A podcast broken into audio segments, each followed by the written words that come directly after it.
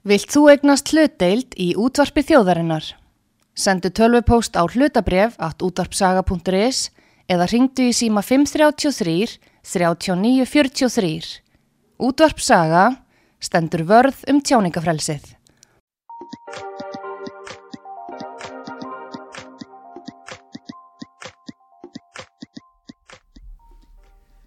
Komið í sæl og blessuð, kæru hlustundur út á sögu, Sigrun Kjartansdóttir heiti ég og þið eru að hlusta á heilsu þáttinn Heilsan heim. Ég er með góðan gesti í dag, það er hún Unnur Magnúsdóttir. Margir þekkja eflaust unni, en Unnur hefur yfir 20 óra reynslu sem þjálfari og ráðgjafi. Hún starfar og hefur starfað hjá Dale Carnegie. Unnur, velkomin. Takk fyrir kærlega. Og takk fyrir að koma og það er bara skiptir í greiðarlega miklu máli og það er náttúrulega bara mikið að gerast í svona eins og við getum sagt í þeim málum sem snerta okkur sjálf í dag Já. að því nú er bara verið að setja pínu áherslu á hvernig líður okkur mm -hmm. öll kulnunin Já. og fyrirtækjurinn fara nátt að sjóða því að, að starfsfólkið er hérna er, er mikil auðlind og það bara stoppar stittra við og það, því, það vilja allir vilja allir láta sér líða vel Já Þannig þið eru nú heldur betur að vinna mikið í samskiptum og sjálfströsti og allt. Mm -hmm. En segðu græðans, hver er unnur? Já, hver er unnur? Hérðu, ég er nú bara, hvað við segja, svona borin og barnfættur reikvikingur en alin upp í Garðabænum og bara gekk gegnum alla mínu skólagöngu þar. Bara kem úr indislegri fjölskyldu og dásanlega foreldra og tvö sískinn og hérna var nú með svolítið svona ævintýra þrá sem, sem ung kona þannig að ég ferðaðist mikið og ég var svo heppin að foreldra mín er stöttu það að ég myndi svona vika sjóndeldarhingi minn vel. Já. þannig að ég fór til dæmis bæði í skóla til Englands og ég fór til Fraklands og ég fór til Sviss og endaði svo í bandaríkjónum þannig að ég hérna tel mér mjög heppna að hafa hlotið þannig uppeldi. Já að vera kvött til þess að skoða heiminn og vika sjóndeldarhingi minn og þóra já og, og þóra hafa hugur ekki til að já. fara og þóra og það var já. nefnilega ymmið þannig ég mátt aldrei fara með neinum Nei. ég varð að fara einn já, já þau hafðu vita því. Já, í staðan fyrir tvær vinkoni sem að bara já. eru þá bara já, akkurat, já. er ekki þetta að kann og kynnast. Já, og ég þurfti því líkt að bjarga mér sko. Ég lendi í alls konar ævintýrum og uppakomum sem ég þurfti að bjarga mér útur og mér finnst ég bara hafa búið alveg svakalega vel að því og hef einmitt hvart börni mín til þess að gera slikti sama að fara út fyrir landsteinana og það likur við að sé alveg sama hvað ferða að læra. Veist, farðu bara eitthvað Já. og breytt út vangina eina og láttu reyna á þú veist, hvað þú getur gert og, og, og, og þú veist, lærða að leysa mál og finna út úr hlutum sko. Já, akkurat, einmitt. Sem að ég náttúrulega var kannski svolítið öðruvís á þessum tíma þegar að maður var bara manni var bara að vinka bless upp á velli og svo bara kannski skrifaði maður bref heim þrejum vikum setna Já, akkurat, einmitt það er bara eins og tæknin í dag er þannig að þú getur haft samband á hverjundi, það var ekkert svo og það var kannski farið, hægt að fara í, í svona peningasíma ef hann var eitthvað staða nálagt Já. Já. Ég man til dæmis eftir því að hafa verið komin í þannig aðstæðar í Fraklandi að þú veist mér leiði ekki vel á heimavistinu sem ég var á í skólanum að því að það var alltaf að brjótast inn á all herbergin. Já og þannig að ég tók ákvörnum það er inn að losa mig út úr þessum skóla. Þá var náttúrulega búið að borga allt fyrir fram og allt saman þannig að þetta var ekkit auðvelt mála að losa mig þarna út. Nei. en ég, hérna, mér tóks það en hérna, það sem er svo eftirminnilegt er að foreldra mínir voru akkurat, sko ég var bara 18 ára þetta var eitthvað sliðis foreldra mínir voru stött í sumafríi á Spáni Já. og ég þurfti einhvern veginn að ná sambandi við þau til þess að spyrja hvort ég mætti gera þetta. Já, já, já, já og að því hún nefndi nú svona tíkallasíma en veist, þá, þá var einmitt það sem nákvæmlega gerðist. Ég bara fór og náði mér í fullta skiptimind fór inn á eitthvað bar og fekk að ringja þar í tíkallasíma. Og hérna Ringdi fyrst á ferðaskrifstofuna til þess að koma staðið í hvar þau væru ákveða hóteli til að finna símanúmer hjá þeim til að ringja svo í þau. Á hótelið og fá síðan já, samband við þau. Vá, svona var þetta. Já, svona var þetta. En, en þú veist, ég segi ofta þess að sögu vegna þess að ég man tilfinninguna þegar þetta gekk allt saman upp og ég upplifði það að hafa bara bjarga mér út úr þessum aðstæðum og já. bara grepið inn í þetta og gert það sem þurft að gera til þess að láta þetta dæmi ganga upp Já. og ég man að mamma og pappi sögðu bara það bara það og skulir hitta á okkur hérna inn á þessu herbergi núna er bara kraftaverk sko Já. þannig að veist, þetta er svona það er svo mikilvægt að fólk gangi gegnum eitthvað svona sem reynir á það Já. veist, og það er nú búið að vera mikið umtal núna um til dæmis eins og greinina hans Þorgríms það sem að hann er svolítið að gaggrina foreldra fyrir það að vera með börnun og mikið í bómul og svona og, veist, ég er alveg ein af þeim sem að hef öruglega verið þroska þjófur með börni mín Já. þó svo að ég Já. hafi þetta svona viðþorf til þess að maður eigi að reyna á sig þetta Já. er bara eitthvað sem að maður svona þú veist, ég held þetta sé kannski svolítið í eðli manns að vilja alltaf að hjálpa Já. og leysa og eitthvað svona en maður Mikið- þarf að spyrja sig, þú veist, er ég núna að gera barninu mínu gott því að leysa þetta fyrir þau Þetta orð þroska þjófur, þetta er bara orð sem kom upp fyrir nokkrum árum og, og svo einhvern veginn datta niður en þetta er bara svo rétt. já, Ef að, ef að börnin eru löt að læra þá, á maður bara leifa þeim að falla. Já, í staðan fyrir það að læra með þeim já. og læra fyrir þau. Ég heyrði, sama, maður, ég, sko, ég heyrði þetta fyrst orð þroska þjófur frá hjá honum Hugo Þóris sinni heitnum. Því hann einmitt. talaði um þetta sko, og ég man að hann sagði þú veist að barnið þitt segir mamma ég þarf að pissa. Þú veist, segðu þá og hvað ætlar að gera í því?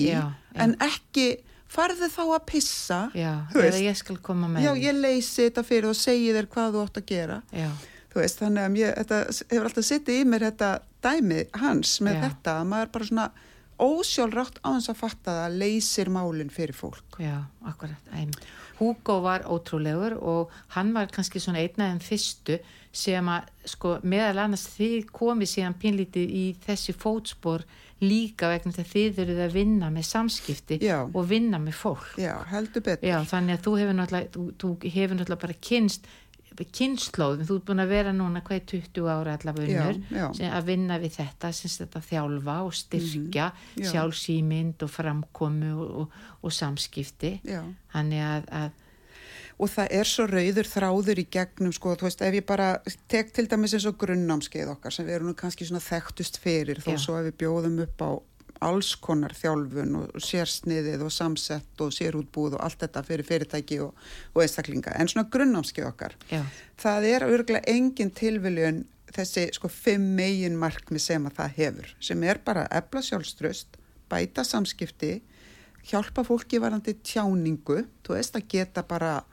hvort sem það er staðið upp og, og sagt skoðum þína eða bara svona tala saman eins og við tvær erum að tala saman núna. já, Það er að ebla leiðtóahæfni sína og að, að kunna þess að stjórna viðhorfi sínu. Já, og þá í leiðinni kannski hvernig þú lítur á eins og streituvaldandi aðstæður og svo leiðis. Og þú veist, ef maður hugsaður um bara í gegnum þessu 20 ár sem ég hef þjálfað og ég veit ekki hvað ég hef hitt, hitt marga einstaklinga á þessum 20 árum, örgulega ykkur þúsund einstaklinga, já, að þá, það virðist vera svona rauðu þráður í því að fólk er alltaf svolítið að efast um sig. já, Það efast um að það geti tekist á við ákveðnar aðstæður eða, eða hérna, geti gert einhverja hluti sem það langar til þess að gera. Það efast um hérna, hvernig, þú veist, hvað, það er að velta sér upp og hvað öðrum finnst um það og það eru alls konar svona atrið sem hafa áhrif á sjálfströstu okkar. Oft spila einmitt samskipti mjög mikið inn í þetta vegna þess að ef þú hugsaður um bara samskipti sem manneskja með lítið sjálfströst hefur já, veist, það eru ágætis líkur á því að hún sé ekki, já, hvað ég að segja, svona kannski alltaf í heilbriðum samskiptum. já, Standi svona fyrir sínu eða, eða bara, sko, veist, við þekkjum kannski svona típur sem að eru rosa svona ágengar í samskiptum. já, Þú veist, hlusta illa, eru rosa mikið að segja skoðun sína og rosa ákveðin hátt og svona. En svo þú kynnist viðkomandi og kannski með pínu lítið sjálfströst já, já, og þú veist þessi tjáni eða þessi svona samskiptamáti hann kemur til vegna þess að sjálfströst er svo lítið. Já, akkurat, einmitt, einmitt og svo eins og varandi hérna þetta með svona, þetta markmið varandi tjáninguna þú veist að við veist, sjáum alveg að fólk hefur svona skala í tjáningu, sumir tjá sig allt og mjúkt þannig að það er aldrei hlustað á það Nei, þú veist, það er bara svona pínu lítið mús þú veist, sem Já, að svona já. þú þarf bara virkilega að leggja Já. fram við heyri Einmitt. og menna aðrir tjá sig þannig að þú verður bara þreytt á því að hlusta á það eftir smá stund og þér finnst alltaf verið að valda yfir þig og svona. Þannig að veist, það er alveg hægt að finnstilla þetta og það er það sem Já. fólk gerir á námskeiðunum í okkar meðal annars. Geta tjáð sér þannig að það sé hlustað á þig en að þú sért samt þannig að fólk vilji vera í kringum þig. Já, bara vegna þess að þú hérna kanta hlusta og þú kanta rosa og þú hérna fólk finnur að það skiptir þið máli þú kanta sína meðinlegan áhuga og þú verðir skoðun þeirra og þú gerir kannski hérna, blæst ekki upp mistökin sem það gerir og svo framvegis já, já, em. Og svo þetta með eins og viðhorstjórnurina þú veist, maður, það finna óbygglega ofbáslega margir fyrir því núna hérna, hvernig það svona rýfur í viðhorfum hans þegar á móti blæsins og bara er svolítið kannski að blása svolítið á móti okkar Íslandingum núna og sérstaklega hérna grindvikingum já, já. að það er, það, það er á svona tímum sem að það skiptir mestu máli að kunna að svona bæði kannski að þekkja viðþóru sitt og að hafa einhver verkfæri til þess að geta styrti. Já, einmitt, einmitt. Og þá er ég ekki endilega að tala um að fara í eitthvað poljónu gýr og halda þetta bara já, já, verum bara jákvæð, þú veist, það er auðvelt að segja það þegar maður situr hérna, hérna bara í róliheitunum og, og, og er ekki að horfa stögu við það að missa húsnæði sitt, sko. Nei, einmitt, einmitt. En það er samt að sko að því að við tölumstundum um sko að þú veist að það sem við hugsum, þú veist bara hugsanirnar sem fari já, gegnum já, hugan okkar já. Það er hafa svo mikil áhrif á hvernig okkur líður, þú veist eins og við bara hugsum hérna stanslöst, þú veist þetta fer á vestaveg þetta fer á vestaveg, þetta fer á vestaveg þá er ágættis líkur á því að það myndist mjög mikil hraðsla og, og spenna og, og mann líður ekki vel í solis hugsunum. Uh, og það hefur svo áhrif á hvernig við hegðum okkur. Veist, þannig að kannski lokum okkur af eða við förum að hvæsa á fólk eða segja eitthvað sem við sjáum eftir eða eitthvað slíkt mm. þannig að veist, eins krefjandi og ég gerir mig grein fyrir að geti verið að stjórna hugsunum sínum þegar að á móti blæs að þá, eru, þá er það samt að eila það eina sem við höfum stjórna Já, já, akkurat, það er alveg rétt það er alveg það er ekkit annað sko Nei það er ekkert enna og maður hugsaður þetta stundum svona eins og tímaglass Já. þú veist það kemst bara eitt sandkotni gegn í einu Já. þannig að hugsunin, við getum líka bara hugsað eitthvað eitt í einu Einmitt. Þó svo að við höldum að við séum að hugsa rosa margt í einu þá, þá er það vist þannig að við getum bara hugsað eitt í einu. Einmitt, einmitt, þannig að við getum einhvern veginn fundið eitthvað leið til þess að, að hafa stjórn á því hvað, hver svo hugsun er. Hugsun er, já. E, hérna, mér langaði aðeins að heyra í þér með sko, nú hafa verið allavega svona, allavega þrjú kynsluðaskipti, mm -hmm. myndi ég segja bara frá því þú byrjaði að vinna. Það, það er í raun og veru kannski bara fóreldrar okkar. Já. Og síðan eru það kannski okkar kynsluð mm -hmm. og svo er það núni raun og veru börnin okkar og unga kynsluðum sem er að koma inn á vinnumarkaðin og til dæmis samskipti, ef við skoðum með hvernig samskipti hafa þróast á þessum tíma mm -hmm. þá náttúrulega bara voru samskipti hér hjá þeirri kynslu sem að að, er að fara að vinnumarkaði allt öðruvísi heldur en heldur í dag. Já, það er stundum tala svona sérstaklega kannski í stjórnunafræðanum um svona gamla skólan og nýja skólan Já. núna eru þessi tveir skólar svolítið að rekast á vegna þess að sko gamla skóla eða kannski eldri kynnslóðin hún hérna, hún er enþá kannski að nota aðferðir sem að koma til kynnslóð eða sem sagt svona kynnslóðin sem að hérna börnin okkar þau bara þau segja bara ég læti ekki tala svona við mig sko. Nei, nei, veist, þannig að hérna þarna mætast ofsalega ólík sjónar, sjónarhótt sko. Já. Og þú veist ég maður nú bara svona persónuleg dæmi sko því að það var alltaf sagt við mig hérna sem krakki bara gerðu þetta því að, svo maður sagði afhverju það bara af því að ég segi það. Já, akkurat, já. og hérna ég náttúrulega bara alveg upp við þetta reyndi að nota þetta á mín börn. Já. Og ég fekk bara, já þetta er ekkert svar. Nei, þú veist, bara af hverju, af hverju og hérna og það bara virkaði ekki á börni mín að segja að því að ég segi það Nei, akkurat þú þarf bara að útskýra þetta betur. Ég já, bara þörfin fyrir að skilja þetta. Bara, veist, það þurfti bara nálga, öðruvísi nálgun á þetta. Já, já. Og þetta kannski, ég veit ekki hvort að hversu stór hluti af, af vandamálinu kannski á vinnumarkaðunum er núna tengist þessum kynnslóðaskiptum, en við heyrum alveg stjórnendur tala um þetta að þetta er krefjandi þegar þetta mætist. Já. og þú veist okkar kynslu og við, við bara erum kannski svona, okkur finnst við allavega að vera svona meiri vinnuþjarkar og við bara vinnum þanga til að verkefni er búið og, en ég hef talað við stjórnendur sem að bara, þú veist rekur í rógastans þegar að sko hérna unga kynslan segir bara já klukkan fjögur nú er ég bara farin. Já, en býtu verkefni er ekki búið og þetta býður og þetta og þetta liggur Já. á þessu. Já það er ekki mitt vandamál. Já, ég, nú er ég bara að fara að gera annað sko. Já, ég myndi að jáfnvel að fyrir rættina, ekki endilega bara að segja börnin sem er kannski náttúrulega frekar áriðandi, Já. einmitt akkurat, þetta, nei. þetta er að gerast sko. það er bara ekki tilbúið kannski fór, eins mikið að fórna sér fyrir vinnuna eins og við gerðum Já, og við finnum svona, við hefum svolítið verið að velta fyrir okkur sko hvað gerðist í COVID að því að við finnum alveg að það er orðin einhver svona hvað ég að segja, kannski svona eh, svona viðhorsbreyting eða eitthvað svona gildismatið er búið að breytast aðeins. Já, já, að hérna fólk er ekki tilbúið að setja vinnuna eins mikið í fyrsta sæti og það gerði áður. Nei, nei, og, og, og þetta náttúrulega er að skapa alls konar áskoranir inn á vinnustofunum og kannski hluti af þessu þessar, þessum mikla flótta sem er talað um já, já, og þessari miklu tilfærslu á við, hérna starfsfólki starfsfólki, já, já, já, akkurat. Fólk fekk tíma, daldi, sko, fólk fekk í rauninu daldi tíma til að hugsa hver er ég Já, og hvað er ég að gera vegna þess að þarna varstu mánuðin saman Mhm. og, og jafnvel, su, su, su, sumir hefðu vinnu, aðrir ekki, sumir unna heiman já, en þú hafði miklu meiri tíma því að þú komst ekki í ræktina, þú komst ekki farið í bóð, Mhm. vall út að lappa, Já. auðvitað mismunandi.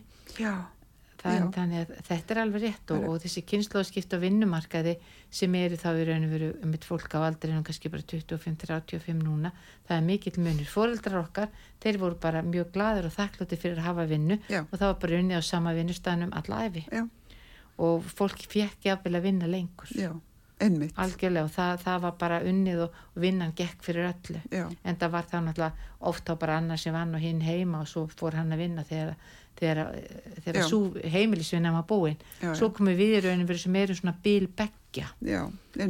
sem að svona erum daldi alveg upp í gamla farinu, Já. sjáum alveg kannski hvað var ekki gott í já, því. einmitt, Við, við, veist, við, við metum þá þökkum fyrir já, það. Þú veist, það voru allir að gera sitt besta og svo komum við þarna og, og okkar kynnslóð er meira að segja mér líður ekki vel á þessum vinnustæðan og ætla ég að hætta já, og, og kannski gerum það, kannski ekki allir en þetta var, var ekkert mjög algeng já, við erum svona ágætið smillist að því að við sko, Já. við kunnum að meta að hafa verið kent að vinna já, en við skiljum líka kannski sjónarhótt þeirra sem að vilja kannski leggja öðruvísi svona mat á hvað skiptir máli í lífinu. í sko. lífinu, já, akkurat, akkurat að því að maður, maður er alveg þegar maður, sko, þegar maður er kannski komin að þennan aldur eins og þessi 50-60 ára þá fer maður pínu að hugsa í, hvernig hef ég, ég ætla að segja varið lífinu, ég ætla ekki að segja eitt Já, lífinu nei. hvernig hef ég varið lífinu var ég kannski allt og mikið að vinna Já, já. var ég að, voru við hjónin til dæmis að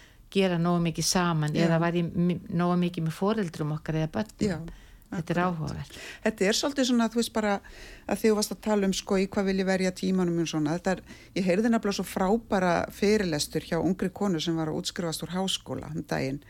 Hérna, þetta var reyndar á, þú veist, netun, þetta var eitthvað bandarískur háskóli og hún var að segja núna því að útskrifast þá eru allir að spyrja mig hvað ég ætla að fara að gera. Og hún sagði, mér, það er enginn að spyrja mig hver, hver ég ætla að vera. já, Mér fannst þetta svo frábært, þetta er búið að setja svo í mér síðan já, að hún sagði, þú veist, ætla ég að vera góðmanniska, ætla ég að vera hjálpsum, ætla ég að vera umburalind, þú veist, ef ég til dæmis ætla að verða læknir, eða þú veist, vera læknir, hvernig manniska er ég þá? Þú veist, er ég ekki manniska sem að vill hjálpa öðrum, sem að hérna mun setja það í fyrsta sæti að vera alltaf til taks fyrir aðra og eitthvað svoleiðis. Þú veist, það lýsir svona okkur personu einkennum. já, akkurat.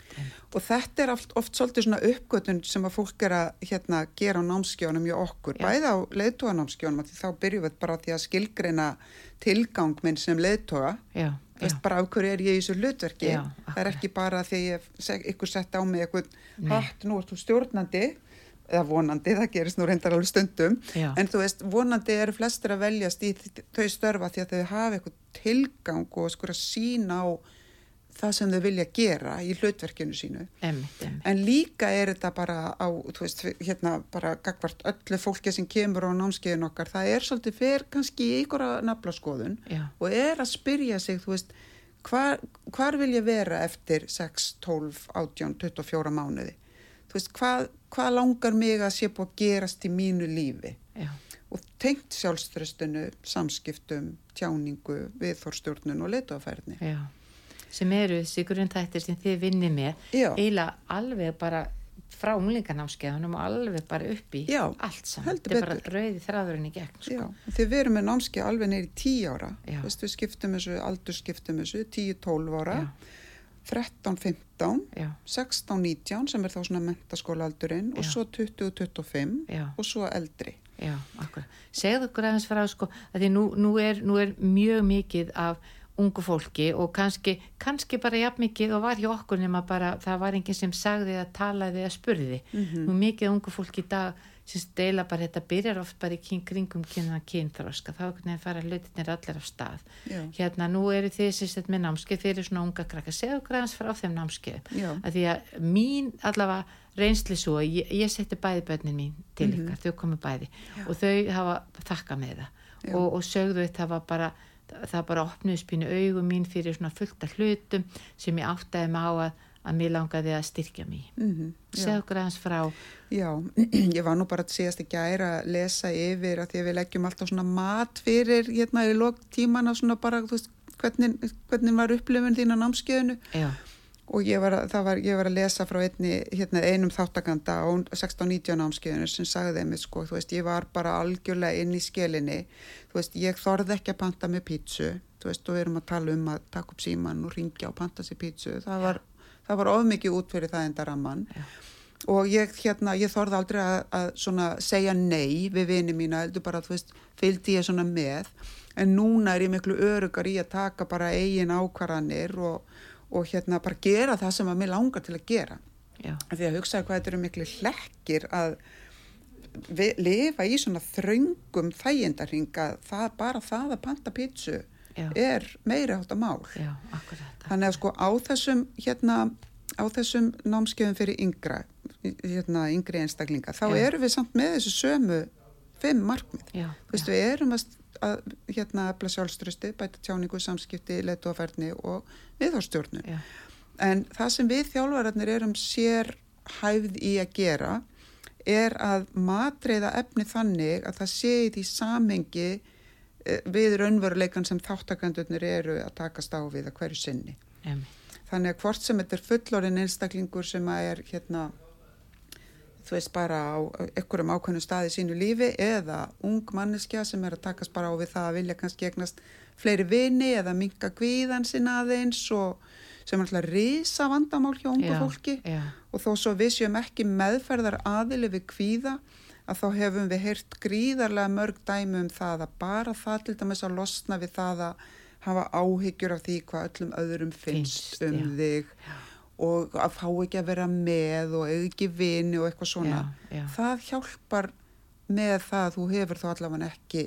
eins miklar áhyggjur af því Nei, og ég, ég held nefnilega sko, mín trú er svo pínulítila að mjög margir og við flest á einhverjum tímapunkti höfum verið með einhverju svona tilfinningar og upplifa það að fá ekki verið með eða skilin út undir eða fundið eitthvað. Já, já, og, og það skiptir svo miklu máleikna en að hafa þennan stað þar sem er bara talað um þessa hlutumannamáli og maður allt í einu heyrir það bara að það er ekki bara við einn sem erum hratt eða, eða fáum ekki vera með eða já. upplifum yfirgang og, og leiðindi og svo finnst mér líka þetta sem þú sagðir áðan unnur sko að segja nei, að Já. kunna segja nei já má ég segja nei Einmitt.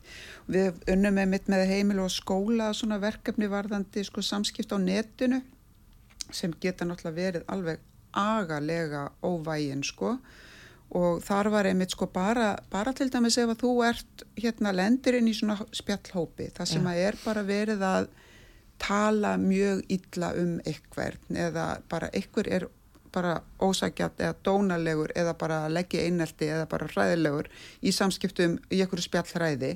Þú veist að hafa hugur ekki til þess að segja þú veist í alvöru. Þú veist ætlum við, ætlum við að fara þangað? Já, já, þú veist erum við svona vinahópur sem Já. ætlum að gera þetta núna? Einmitt, þú veist það þarf hugur ekki til þess að gera þetta. og, en þetta er það sem krakkar eru að segja okkur að þau fá hugur ekki til þess að grípa inn í svona aðstæður. Já, standa með þeim sem að þarf að standa með Já, já. og segja bara nei, ég ætla ekki að taka þátt í þessu. Nei. Þú veist, ég ætla núna að standa upp og segja þetta er ekki rétt, við skulum hætta þessu. Að því svo líður fólki illa ef það er í þessum aðstæðum þó það hafi ekki skapað þeirri að sé að stýra þeim að þá er, eru sterkir aðilar sem að þeir kannski vilja ekki fá upp á móti sér og vilja náttúrulega alls ekki lenda hinum einn við gyrninguna og vera tekt eknir í gegn. Einmitt. en þetta skiptir greiðilega miklu máli. Já. og það, þetta er ekki bara meðal batnaunur, þetta er líka bara á vinnustöðum og líka bara í vinahópum. Mm á öllum aldri. Algjörlega. það er verið að tala um en ekki tala við. Já, sem er bara ekki fallegt og enginn myndi vilja hérna vera sá sem að eh, hérna er talað um en ekki við sko. já. Þannig að veist þetta er bara þetta eru bara og þarna koma líka bara gildimanns svolítið fram. já, Þú veist bara hvernig manneskja viltu við, hver ætlar að vera. já, þið vinnit aldrei með það Já. með hverjum á einu Já, við gerum það, bæði með einstaklingum og fyrirtækjum, að þú veist, það er náttúrulega, hérna, þú veist, gildi eru bara vísbending um hvernig þú ætlar að haga er í ákveðnum aðstæðum, veist, og hérna, ef að gildi þitt er hjálpsemi, að þá, þá bregstu við ef einhver þarf hjálp. Já, og, og, og þú, hérna, þú kemur fólki til varnar ef að það er verið að ráðast á það á óvægin hátt, emmitt, emmitt eða bara ráðast á það yfir höfuð. já, Þannig að það er öllum holdt að endur skoða, eða skoða, eða bara setja sig gildi og endur skoða þau og, og vita bara fyrir hvað viltu standa. já emmitt, Og þegar maður gerir það, þá náttúrulega vex maður sem einstaklingur og námskeiðin okkar eru bara svolítið um það að vaksa. Veist, og við höfum alltaf þetta val, þú veist, um að bara standa í stað eða vaksa. Og já, ég allavega sem betur fer og kannski að þau voru að tala um hérna, uppeldi mitt hérna áðan, að hérna, ég hef kosið það í lífun að vaksa frekar og endur skoða bara svolítið oft, veist, hver, hver er ég á Já. þessum tímapunkti? Uh, veist, hef ég gaman að því sem ég er að gera? Er ég að reyna á mig? Veist, er ég að gera eitthvað sem augrar mér? Meina bara um síðustu helgi stóð ég sko skjálfand og beinunum upp í brekku í kettlingafjöllum í, í þú veist, ísilaðri brekku og ég bara hugsa hvað er ég búin að koma mér í? Já. en sko sigur tilfinningin eftir þessa helgi að hafa bara fjallaskýða, þú veist. Já og já, ég var bara virkilega sko hrætt og óörug á tímabili. Já, en þú veist, ég, ég finn alveg að ég stækkaði bara við þessar einslu og þetta er að þið vorum líka að tala um viðþór þú veist, þetta er líka bara viðþór sem að velu sér. Já, ætla ég að vera svoleiðis manneskja já, eða ætla ég að vera manneskjan sem bara er bara föst í einhverju fari mér finnst það frekar leðilega tiljósun Já, einmitt, e, akkurat og tímannir í dag eru bara dálítið þannig að, að, þetta, að, að, þetta er leifilegt í dag og þetta er pínlítið í tísku dag finnst mér Já. sem ég gleðst yfir að fólki farið að segja miklu meira hver er ég og hvað vil ég. Og, og, og vakna ég á hverjum dag og finnst mér gaman. Já. og, auðvitað líka bara þú veist, get ég gert eitthvað til að mér líði betur og finnist skemmtilegra að lifa og, en auðvitað gerist það ekki sjálfum sér maður verður dálítið að það er enginn sem skemmtir manni. Já, já. Og það er svo frábært finnst mér við þú veist bara í fyrsta tímanum á deilkarningi námskeiðinu þá þá færðu svona bara í hendurnar hérna skjald sem þú ætti að fylla út sem heitir bara tímamóta áætlun. Og þú ætlar bara að setja þinn markmið sem munu valda tímamótum í þínu lífi og svo notar þú námskeiði til þess að byrja að vinna að þessum markmiðum. Og þú staðsetur þið fram í tíman þannig að Já. þú gerir áallun um hvernig þú ætlar að ná ákveðinni framtíðasín sem að þú sér fyrir þér í framtíðinni. Já, og ferð svo að vinna í bara hverju þú þarft að breyta hjá þér til þess að þetta geti orðið. Já, og kannski þetta að auka hugrekkið, kannski þetta að hitta að kynnast fólki sem þú ert ekki að umgangast núna sem kannski opnar leiðina fyrir þig að þessu markmiði. Kannski þarftu að tjá þig á örugari máta og láta meira heyra í þér kannski þarftu að skoða eins viðþorfið þú veist, ertu jákvæð, ertu neikvæð, ertu hrætt eða, þú veist, læturu hluti stoppa þig einmitt, og þú veist, kannski hérna þarftu að hafa áhrif á einhverja í kringum þig og beita þér sem leiðtoga til þess að hrífa fólk með þér já, akkurat, já. þannig að svona, svona virkar þetta hérna Svona vinnið þetta- þið. Já, svona vinnum við Já, akkurat.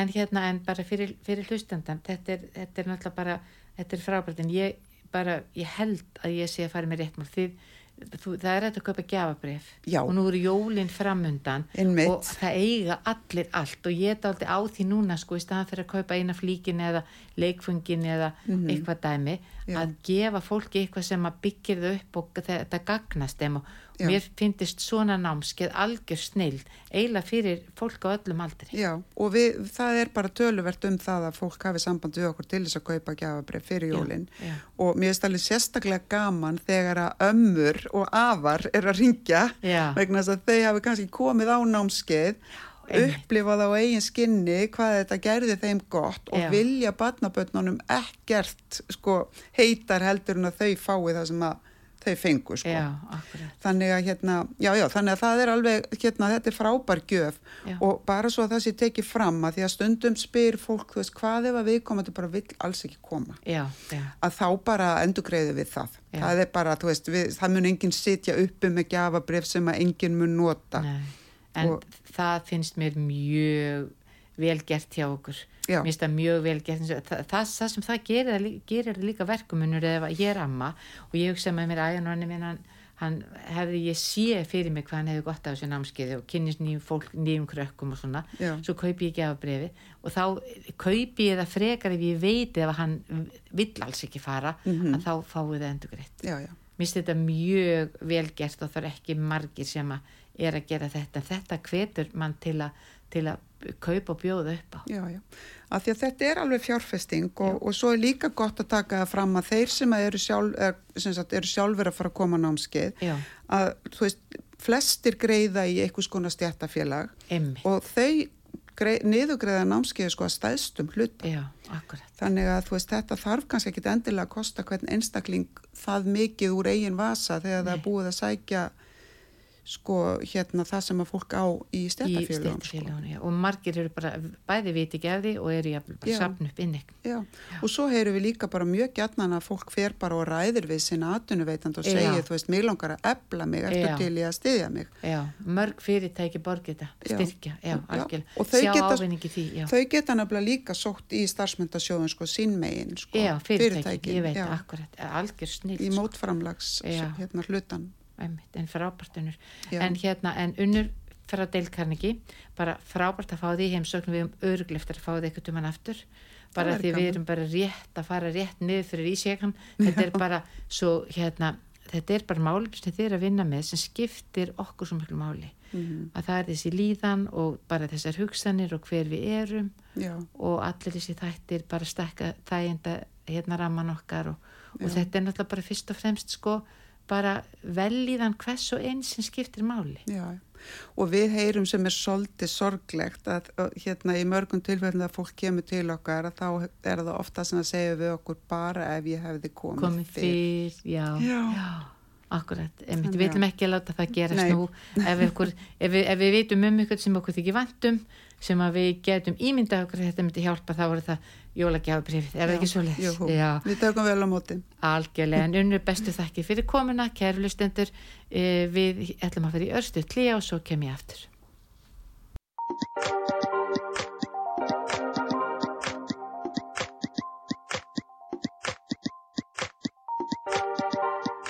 Það er heilsan heim Komið í sæl og blessuð, eh, hlustendur út á sögu, Sigrun heiti ég og þið eruð að hlusta þáttinn heilsan heim. Eh, hjá mér fyrir þættinu var hún eh, Unnur Magnúsdóttir frá Deil Karniki en Unnur hefur ára langar einslu í því að vinna með samskipti og líðan og styrkingu og, og, og, og alla þess að þætti sem skipta okkur máli í það okkur líði vel og við getum vaksið og hérna dapnað frábært að fá hann unni í heimsókn og við fórum töluðum aðeins um bæði námskeiðan þeirra og líka bara kynnslöðunar og svona hvað það er sem að bæði ungt fólk og fólk á öllum aldrei er pinlítið að glíma við í dag. Núna í setni part í setni hluta þáttarins þá ætla ég aðeins að ræða um, um nokkra þætti, ég ætla aðeins að ræða um Uh, heilsun okkar og líðanina okkar. En uh, fyrir hérna nokkurum uh, fyrir nokkur löngu þá sagði ykkur frá eða rættu við aðeins um hreyfigetu og liðileika okkar eigin. En mjög mjög margir eru að glíma við það á öllum aldri og sérstaklega þegar aldurinn færast yfir að, að þá fyrir við að finna fyrir ákveðnum styrleika og hérna skertir hreyfigetu. Uh, sumir uh, hafa í gegnum tíðina e, jafnvel bara hreift sér mjög mikið en aldrei teikt á vöðvum eða unni með, með líðamótin sín eða, eða auðma eða þreytta vöðva. Og svo eru aðri sem hafa, hafa aldrei reyft sig, það er að við erum bæðið að tala um fólk sem hefur lítið reyft sig. Svo hefur við talað um fólk sem reyfið sig mjög mikið en tegir ekki. Sinnir því pínlítið illa að, að ná þessu tilbaka þar er þessari endur heimt liðana og veðvan okkar og ég hef verið að bjóða på námski sem var að byrja í gær. Þetta er námski sem ég kalla jóka fyrir styrða við erum í raun og veru ekki með jókaæfingar en við erum að vinna með einfaldar og góðar og, og heila svona þægilegar e, tegjur sem heila allir geta. Og, og hérna sem að auka liðleika og, og auka hreyfi getu og síðan er ég að vinna líka með sérstaka svona e, nuttbolta þannig að við erum að nutta alltaf bandvifin okkar og en bandveifurinn er utanum alla vöðva og vöðvaþræði.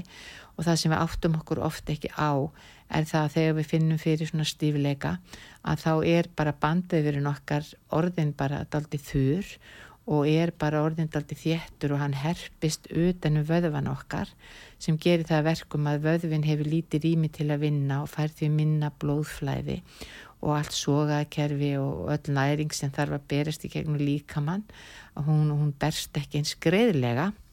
Þannig að það skiptir okkur mjög miklu máli að e, tegja og sem sagt losa bandvefin, vinna með liðamótin, vinna með liðböndin okkar. E, og það sem hefur daldi verið að gerast og ég er, er, er mjög ána með og gleðst yfir er það að, að það er, e, nú er fólk farið að átta sig á því að þetta skiptir máli og eiginlega bara allir tímar í rættinni eða á líkamsræktarstöðum að, að þær stöðar sem bjóð upp á sérstaklega svona tegju tíma að þetta eru bara tíma sem eru fullir.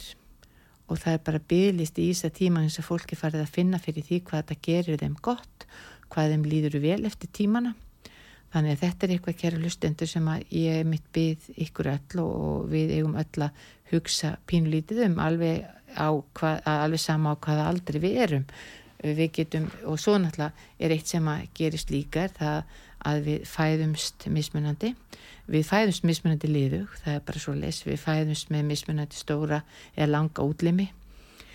Og, og, og, og það, er, það, er, það er, er bara þannig, þetta er líkustundum bara í ættum, bæði mikill liðileiki og minni liðileiki og síðan gerist það náttúrulega líka bara uh, með aldrinum að, að, að að líka minn hann mingar framleyslu á kollageni. En kollagen er eiginlega e, orð sem kemur úr grísku og þýðir pínliti límið þýðir límið í líkamannum og kollagenið er það sem er raun og veru heldur daldi öllu saman í líkamannum og gerir það verkum að við e, e, hérna, getum sko hreift okkur á svona mjúkan mjúkan og þægilegan hátt og þegar uh, kollagenið, syns þetta er kollagenframleysla líkamans mingar og hún byrjar að minga um 25 ára aldur, það er bara útrúlegt uh, hérna áður fyrir það náttúrulega lifði fólk ekki slengi og í dag, í dag er fólk að lifa alveg 9500 ára en það er ekkit langt síðan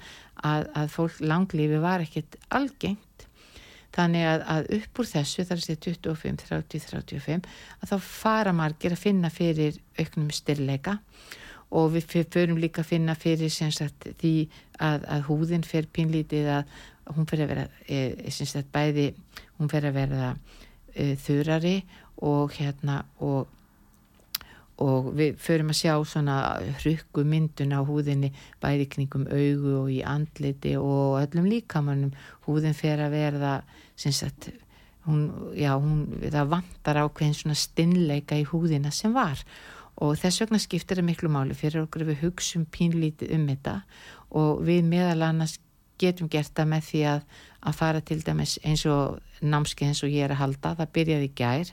Fjara vikna námskeið þriðu dum og fymtu dum 17.30 það er ennþá alveg hægt að bæta sér inn á námskeiði þó þið komið bara morgunni í næstu viku og, og við erum í klukkutum í einu og við erum sem sagt að vinna með góðar einfaldar tegjur, vinnum mikið með sko liðinu okkar, uh, erum, að, e, erum að örfa framleyslu og liðvögva í öllum liðamótum með því að reyfa e, útlimina á ákveðin máta og síðan eru við að, að tegja og við notum allskins, við notum allskins hjálpartæki við það, notum tegjur og, og, og svo hérna á, ákvæmna stöður.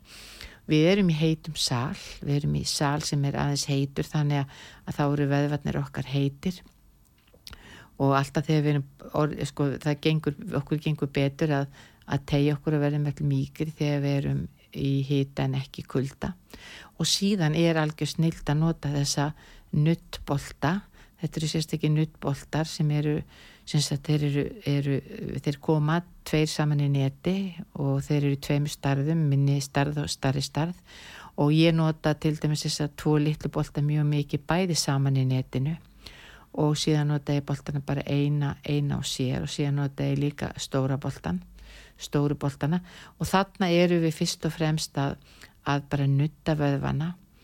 Og hérna mýkja bandvefin gera hann mýkri og tegjanlegri þannig að, að vöðvin hafi, hafi meiri rými og síðan er við náttúrulega samlega því að, að, hérna, að tegja og lengja vöðvana. Við getum til dæmis tekið sem dæmi að við það er einn vöðvi líkamannu sem að gerir það mjög ofta verkum að að við förum að ganga pínu bógin og hérna og, og í kjöl ef hann fyrir að stittast að þá fyrir við að finna fyrir e, sagt, eimslum oft í baki og mjórygg og jafnveli verkjum í njám og jafnveli nýri ökla og jafnveli upp í axlir. Og þetta er vöðvi sem hefur ekkert mikið verið rættum og er oft e, ekki nuttaður þegar við förum og, og látum nutta okkur á nuttstofum allavega ekki á Íslandi ef maður eitthvað sér frekar á það erlendis en þetta er sóasvöðun okkar. Og þetta er svona þrýheirningslagavöðvi sem að hefur sem festist upp í efri bólin og síðan sko niður með, með hérna lærlegnum og hann er bara akkurat stattur eiginlega milli nárans og mjöðmabinsins og svona aðnabla og þetta er vöðvi sem við hérna nuttum og tegjum vel á og, og sagt, vinnum vel í, losum bandvefin utanum þennan vöðva og reynum að mýkjan og lengjan og sem gerir það verkum að, að, að okkur líður betur og, og reyfi getan eksti muna. Þannig að oftast byrja ég á því að áðurinn fyrir að tegja þá fer ég að, að vinja aðeins með liðin sjálfan og, fer, og losa síðan um, um vöðvan og síðan fyrir við tegjuna og ég er alveg ótrúlega ánað með þessi námskeið og fólk sem hefur verið á námskeiðunum hjá mér að það er að koma aftur og aftur og aftur.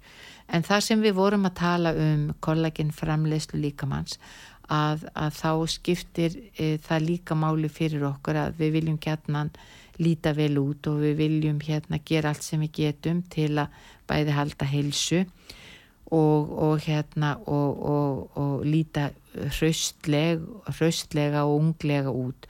Og þá getur þetta kollagen sem ég var að tala um sem er þetta efni líkamannum sem er, svona, er límið líkamannum að það líkamann byrjar að minka framlegsla því. Og þess vegna getur verið mjög gott og nöðsilegt að taka inn kollagen taka það innan gott í dufti eða hilkjum heilsan heim sem er sem sagt, á þáttinn sem sagt hérna e, heilsu þáttinn okkar e, að heilsan heim er að vinna og selja og flytja inn kollagen vörur bæði bæti efni það eru hilki sem þú tekur tvö á dag og þetta eru þetta er kollagen sem er raun og veru þú tekur inn og þá eru við aldrei að, að vinna með liðin okkar þar að sé styrleika og, og hérna reyfi getu og samlega því þá fer efni líka syns þetta í háru neglur og húðin okkar. Samlega því að taka e, kollagenið inn sem að ég myndi ráðleggja e, öllum að gera vegna þess að við erum ofta að taka einhver svona liðbæti efni hérna sem að, sem að hérna, innihalda til dæmis oft efni úr hérna fiski, fiskibeinum og svo framvegs að hérna að kollagenið er aðeins öðruvísi efni og það vinnur meira svona hérna í, í, við tekit ímyndað eitthvað pínlítið að kollageni sé svona svo lími sem heldur allur saman og, og ef að það er nóg af því að þá, þá, þá eru við mýgri og liðugri. Og, og það sem við þurfum líka að hugsa um og ættum að gera að á Ísland er alltaf mjög kallt, mjög mjög kallt og veðrið er alltaf að breytast líka þannig að, að við Íslitingar við erum með mun mun þurrar í húð heldur en aðrir. og, og við til dæmis notum ekki sundlegarnar sem aðra þjóðir hafa ekki sem eru frábærar en auðvitað þurkar klórin daldi húðin okkar og þess vegna getur skipt máli fyrir okkar að, að við séum að nota góð krem. Heilsan heim er að selja eh, kollagen húðvörur, þar sé húðvörur sem inni heldur kollagen á samt öðrum sérvöldum náttúrulegum efnum og til dæmis fyrir andleitið sem er nú það sem við kannski hugsun mest um að, að þar eru við til dæmis, þar er, er söluhæst og vinselasta varan okkar Blue Diamond andliskremið, rakakremið. Það inniheldur kollagen og inniheldur síðan bæði raka og næringu sem að við berum á húðina og þetta vinnur djúkt honni í húðina og, og, og, og hefur góð áhrif á hann að gera hann að mýgri og gerir, gefur henni rak og næringu sem gerir það þá frekara verkum að, að við erum með svona hraustlegra og unglegra útlitt og kollageni sjálft að vinna pínlítið líka á fínum línum og rökkum í, á, á, á, í húðinni og við vitum það líka að við gerum ekkert við húðinni og leifum henni bara þotna og þotna og þannig er vastrykja til dæmis mjög mikilvægt mjög mikilvægt að drekka mikið af vatni vel af vatni, 2 lítra dag allavega, að vatnið á samt því að, að taka inn bætefni og taka inn kollagen og bera sagt, góð krem sem innihald að kollagen og næringarefni húðina. Húðinni að, að, að það bæði lætur okkur líða vel við höfum alltaf að hugsa pínlítið og við finnum það alveg þegar við byrjum að nota húðvörur að þá finnum við að hvort okkur líður vel eftir að við erum búin að bera okkur kremið. Húðin og líka með segi pinliti takk, takk, takk. Þannig að það er eiginlega sá mæli hvarði sem við eigum að, eigum að setja á ekki endilega hvað þessi eða hinn sagði.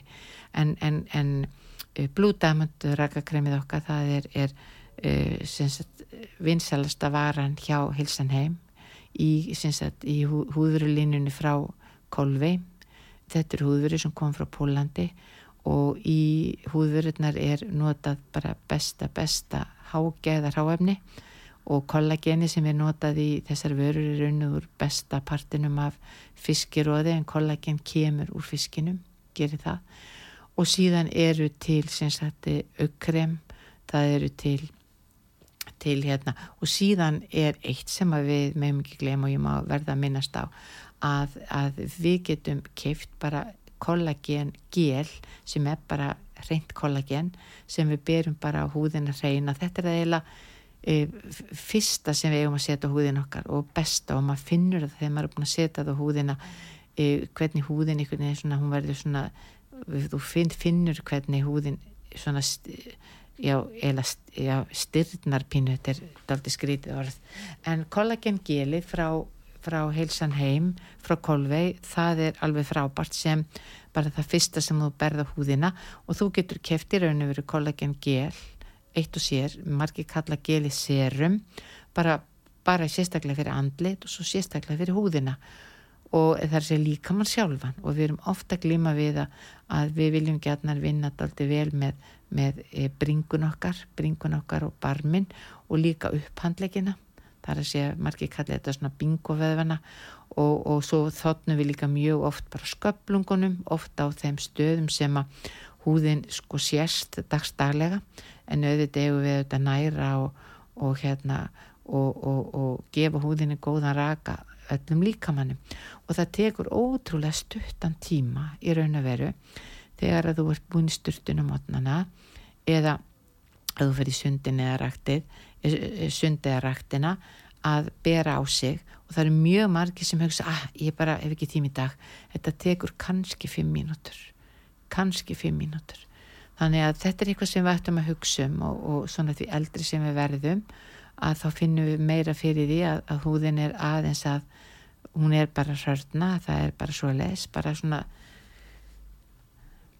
þessi, þessi náttúrulegi tegjanleiki og þessi náttúrulega öldrun er, er að banka dittnar þannig að það skiptir máli fyrir okkur. Þannig ég myndi mæla með Blue Diamond rakakreminu og til dæmis eigin menn sem eru að hlusta að jólagjöfum fyrir hana geti verið algjör snild að við erum með svona sérstakar töskur, við erum með tvær týpur, við erum með svona Blue Diamond tösku sem í er e, kollagen rakakrem, kollagen ökkrem og svo þetta þetta hreina kollagen á handlitið og svo kemur þetta í glæsilegri kvítir tösku. Og síðan erum við með aðra tösku sem er líka frá Kolvei sem er ekki í, í Blue Diamond línunni en hún er í línu sem heitir hérna Atil og Gull. Og hún er líka, hún er líka mjög fín. Þannig að þarna getið þið valið um, um tvær góðar gafir og, og það er alltaf hægt að koma og skipta alltaf hægt að koma og skipta og fá eitthvað annað í staðin ef þetta hendar ekki og uh, líka bara varðandi svona uh, jólagjafir stakar uh, þú ert að gefa mömmu, þú ert að gefa dóttiðin eða, eða ömmu að þá er mjög gaman að gefa bara eitt gott krem, við erum líka með til dæmis bara frábært body lotion, svo erum við með einstakar hárvörur. Hárvörurnar okkar eru sérstaklega unnar og í þeim og það er innihalda sérstaklega efni sem að vinnur daldið með að það þykja hárið. Við kallum þetta, þetta er svona hárþykkingar sjampóið okkar og hárþykkingar hárnæringin. Og það eru efni í hérna sjampónu sem vinnur aðeins ofan í hárbelgin því að hvert hár hefur hárbelgun í húðinni. Og efnið er þar í 1-2-3 dag og heldur áfram að vinna. Mjög mjög margir sem hafa verið að glíma við liðlegan hárvöks, hár, hárlós, þund hár hafa verið mjög ánæður, ánæður með hárþykninga vörurnar okkar. Og til dæmis það að ef þú ert að glima við vandamáli varandi hárið þá getur verið mjög gott að taka inn kollagen, kaupa kollagen hilkin og síðan nota hárþykningar, sjampóð og hárnæringuna.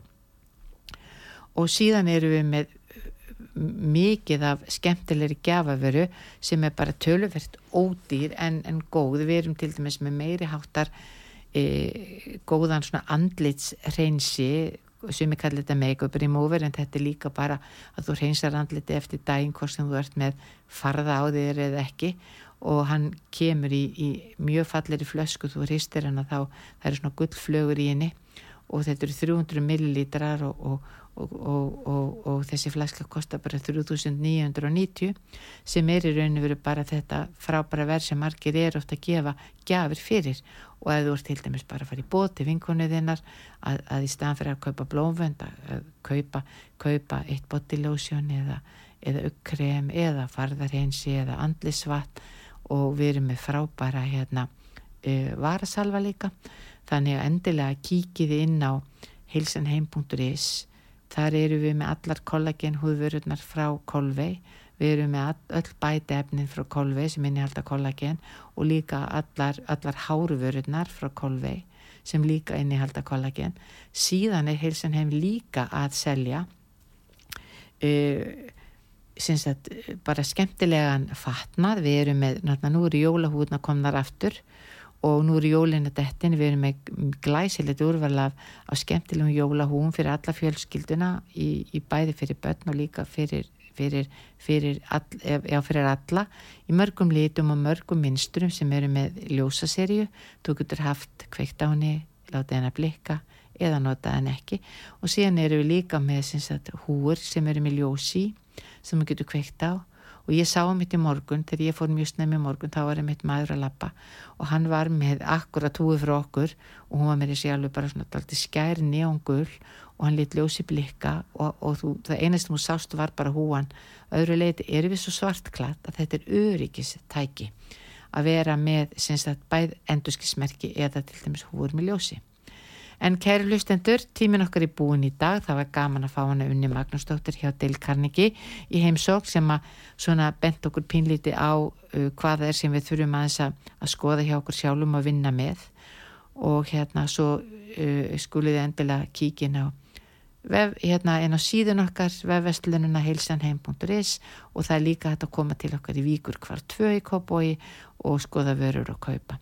En kæri hlustendur, eigið eindislega dag, takk fyrir mig.